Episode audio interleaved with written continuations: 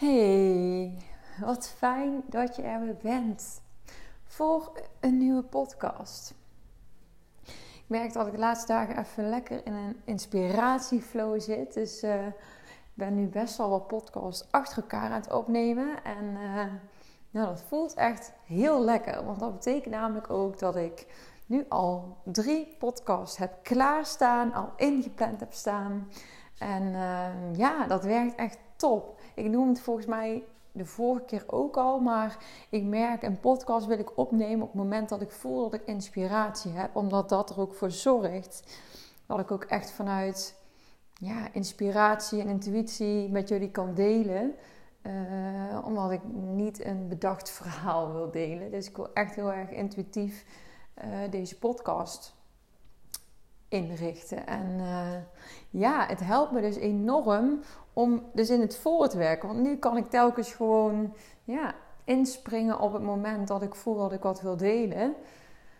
En eerder heb ik wel eens momenten gehad dat ik dan uh, ja, toch op het laatste moment nog een podcast op moest nemen.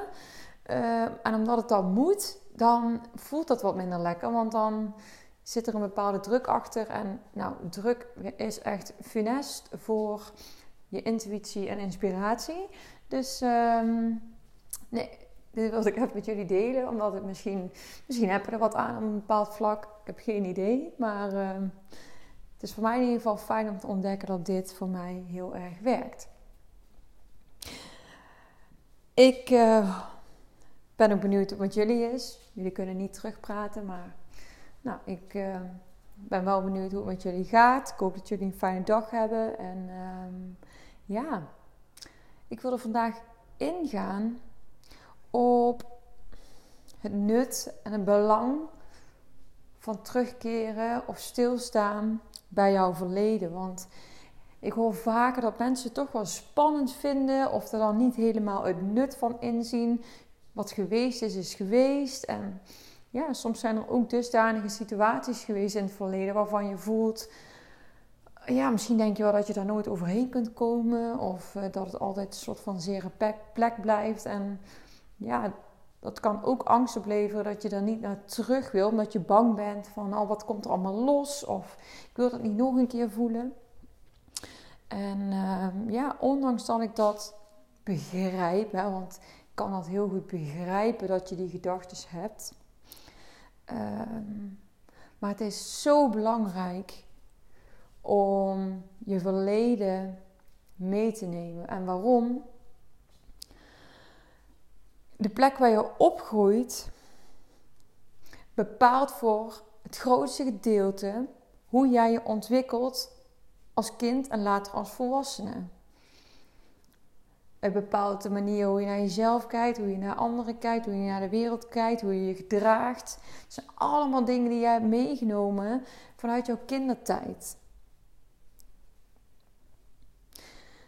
En dat is dus ook heel erg van invloed op jouw volwassen leven, omdat het jouw hele programmering, conditionering heeft gevormd. Dus die impact is gigantisch. Op het moment dat jij ergens zich aanhoudt in je leven, of het nou groot of klein is, maakt niet uit. Alles wat jij op dit moment tegenkomt in jouw leven, wat jou in de weg zit, is te herleiden vanuit het gezin waar jij bent opgegroeid. En het verleden is onderdeel van jou. Ik werk ook veel met het kinddeel. Dat is iets wat jullie misschien ook vaker voorbij zien komen. Je kinddeel staat echt voor je verleden, voor je kwetsbaarheid. Dus alles wat jij hebt meegemaakt, draag je met je mee. Dat is het kind in jou. Het is dus ook onderdeel van jou. En op het moment dat jij ervoor kiest om niet terug te gaan naar je verleden of dat niet aan te willen gaan, ontken je eigenlijk een deel van jezelf. Die patronen zijn ontstaan omdat je op een bepaald vlak niet gezien hebt gevoeld.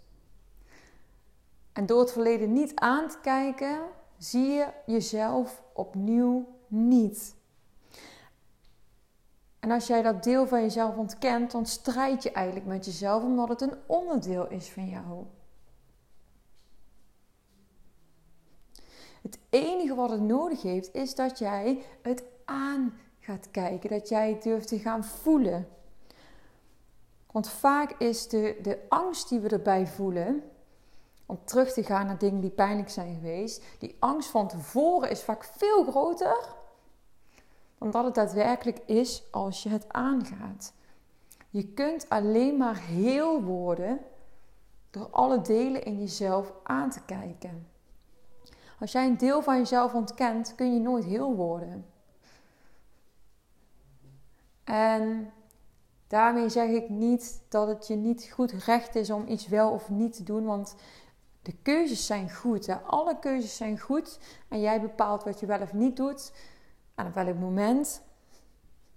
Ik probeer je alleen mee te nemen in het belang en het jezelf recht doen door te kijken naar de dingen die voor jou van betekenis zijn geweest in het verleden. Want dat geeft jou namelijk de kracht en de mogelijkheid om het ook los te kunnen laten. Het verleden leert jou iets over het heden. Maar jouw verleden bepaalt niet jouw toekomst. Als jij ervoor kiest om innerlijk werk te verrichten, om dit proces aan te gaan, dan maak jij de weg vrij om een toekomst te creëren die, die dienend is. Op het moment dat je je niet bewust bent van je verleden, ja, dan is de kans heel groot dat dingen blijven herhalen of dat bepaalde patronen terug blijven komen in je leven. En dat is, ja, dat is oké, maar het hoeft dus niet. En nee, het betekent niet dat je heel je verleden uit hoeft te kammen.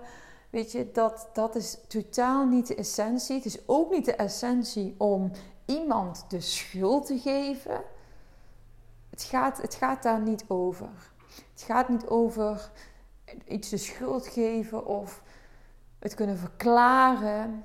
Het gaat erover dat je kan voelen wat van betekenis is geweest.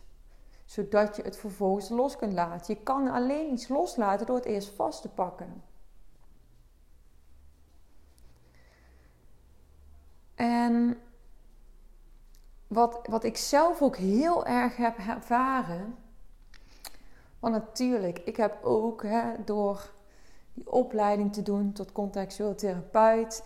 Ja, je kan alleen maar goed worden in iets door het zelf ook helemaal te ervaren. Dus ook ik heb heel mijn familie, ja, daar ben ik heel druk mee aan de slag gegaan.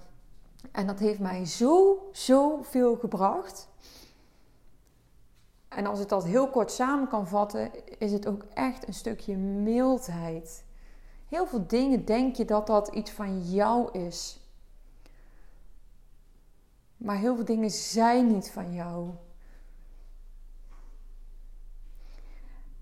En alles is een logisch gevolg op elkaar. En dat maakt je ook een stuk milder. Toen ik mezelf veel vaker in de context begon te plaatsen, kon ik veel meer begrip tonen voor waarom dat ik deed wat ik deed en waarom dat ik dacht wat ik dacht. Het zijn manieren geweest vanuit mijn kindertijd om te dealen met wat op dat moment moeilijk was.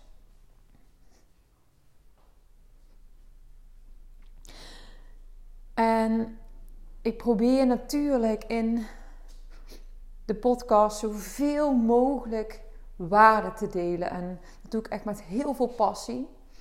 En ik hoop ook oprecht dat je er wat aan hebt.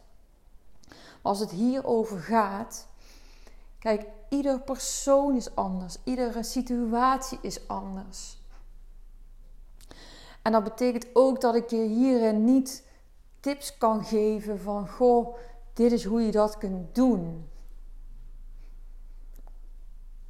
Want dat is wat, wat ik doe als ik met mensen werk. En dan tune ik helemaal in op die persoon. En ja, onderga, onderga je dat. En ik vind het moeilijk om daar dan nu een iets uit te halen, hè? iets heel concreets, omdat je doet jezelf tekort door dit te willen fixen. Je hoeft je verleden niet te willen fixen. Je mag het liefdevol vastpakken om het vervolgens los te laten. Dus het zou je zou jezelf ook tekort doen door ehm, ja, het met één tip op te lossen. Nee, dat is niet jezelf zien. Dat is iets willen fixen. Maar je hoeft jezelf niet te fixen. Want je bent. Je bent al helemaal goed zoals je nu bent. En je mag dus ook die delen vastpakken.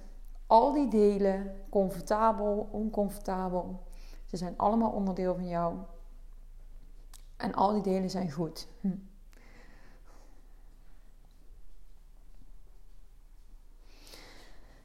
Dus het maakt eigenlijk niet uit hoe jij terugkijkt op je verleden.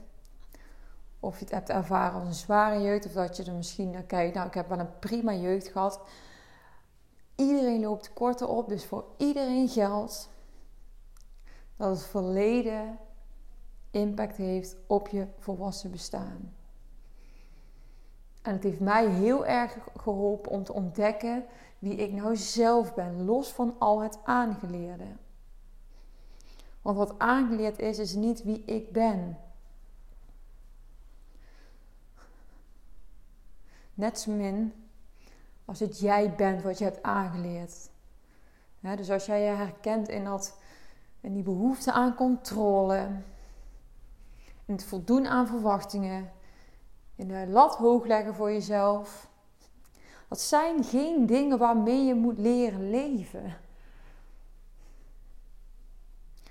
Het zijn geen dingen die jij bent. Het zijn alleen maar manieren voor jou om veiligheid te zoeken. En wat daar de reden van is, dat is voor iedereen verschillend. Het is zo de moeite waard om daarin te duiken. Want het proces is altijd dat als je, hè, dat is dan mijn visie op persoonlijke groei. Kijk, als je gaat voor een korte oplossing, een snelle oplossing, ja, dat zal wel eventjes werken, maar uiteindelijk verval je dan toch weer in dat oude, in dat oude bekende. En als jij last hebt van die controle of behoefte aan uh, waardering, erkenning van anderen, het goed willen doen, nou, dan wil je niet, dan wil je eerst meer rust creëren. Dus je wil eigenlijk eerst die overlevingsmechanismes doorbreken, zodat jij rust, meer rust ervaart. En dat zorgt voor ruimte om een ja, nieuwe gedachte, gedrag te creëren die dienend zijn voor jou. Maar als je al het gevoel hebt dat het leven hard werken is, als jij al voelt dat je elke dag eigenlijk vermoeid bent aan het einde van de dag, ja, het zou niet echt helpend zijn als ik jou dan nog meer opdrachten en tips ga geven die je moet doen. Snap je? Dus ja, daarin zit voor mij duurzame verandering. Het verleden aankijken, liefdevol vastpakken, zodat je pijn los kan laten. Er ruimte ontstaat in het nu en je nieuwe keuzes, gedachten en gedrag kunt creëren. En als je nou denkt, goh, ik, ik heb daar wel interesse in, dan kun je altijd een uh, kennismaking inplannen of een inzichtssessie. Dat zijn twee dingen die je allebei via de website in kan plannen. Eh, en dan kan ik je altijd nog wat meer vertellen. Of misschien voel je al meteen van ja, dit is gewoon wat ik wil. Ik ben er klaar mee om dit allemaal met me mee te blijven dragen. Ik wil het gewoon eens eindelijk, eindelijk los gaan laten. Dan ben je meer dan welkom. En jij weet of ik degene ben bij wie je moet zijn. Dat weet jij. En niet met je hoofd. Want dan kun je misschien allerlei redenen bedenken om het wel of niet te doen. Maar jij voelt of het tijd is voor jou om dit aan te gaan. Om relaxter, ontspannender het leven door te gaan. Je bent in ieder geval van harte welkom. En ehm, ja, dit keer dus niet zozeer concrete tips. Maar ik vond het wel belangrijk om dit te delen. Om wel wat meer zicht te krijgen op, hé, maar hoe werkt dat dan? Um, en wat is de betekenis van het verleden en het nu? Ik hoop dat je er wat uit hebt kunnen halen. En als je daar nog wat vragen over hebt, voel je ook vrij om mij gewoon een berichtje te sturen. Ik vind het ontzettend leuk om contact met jullie te hebben. Dat gebeurt ook geregeld. En ehm, ja, voel je daar absoluut vrij in. Ik maak uh, graag tijd voor jullie reacties. Dus um, dat mag je altijd doen. Hey, ik wens je voor nu een hele fijne dag en uh, ik hoop je terug te zien bij de volgende.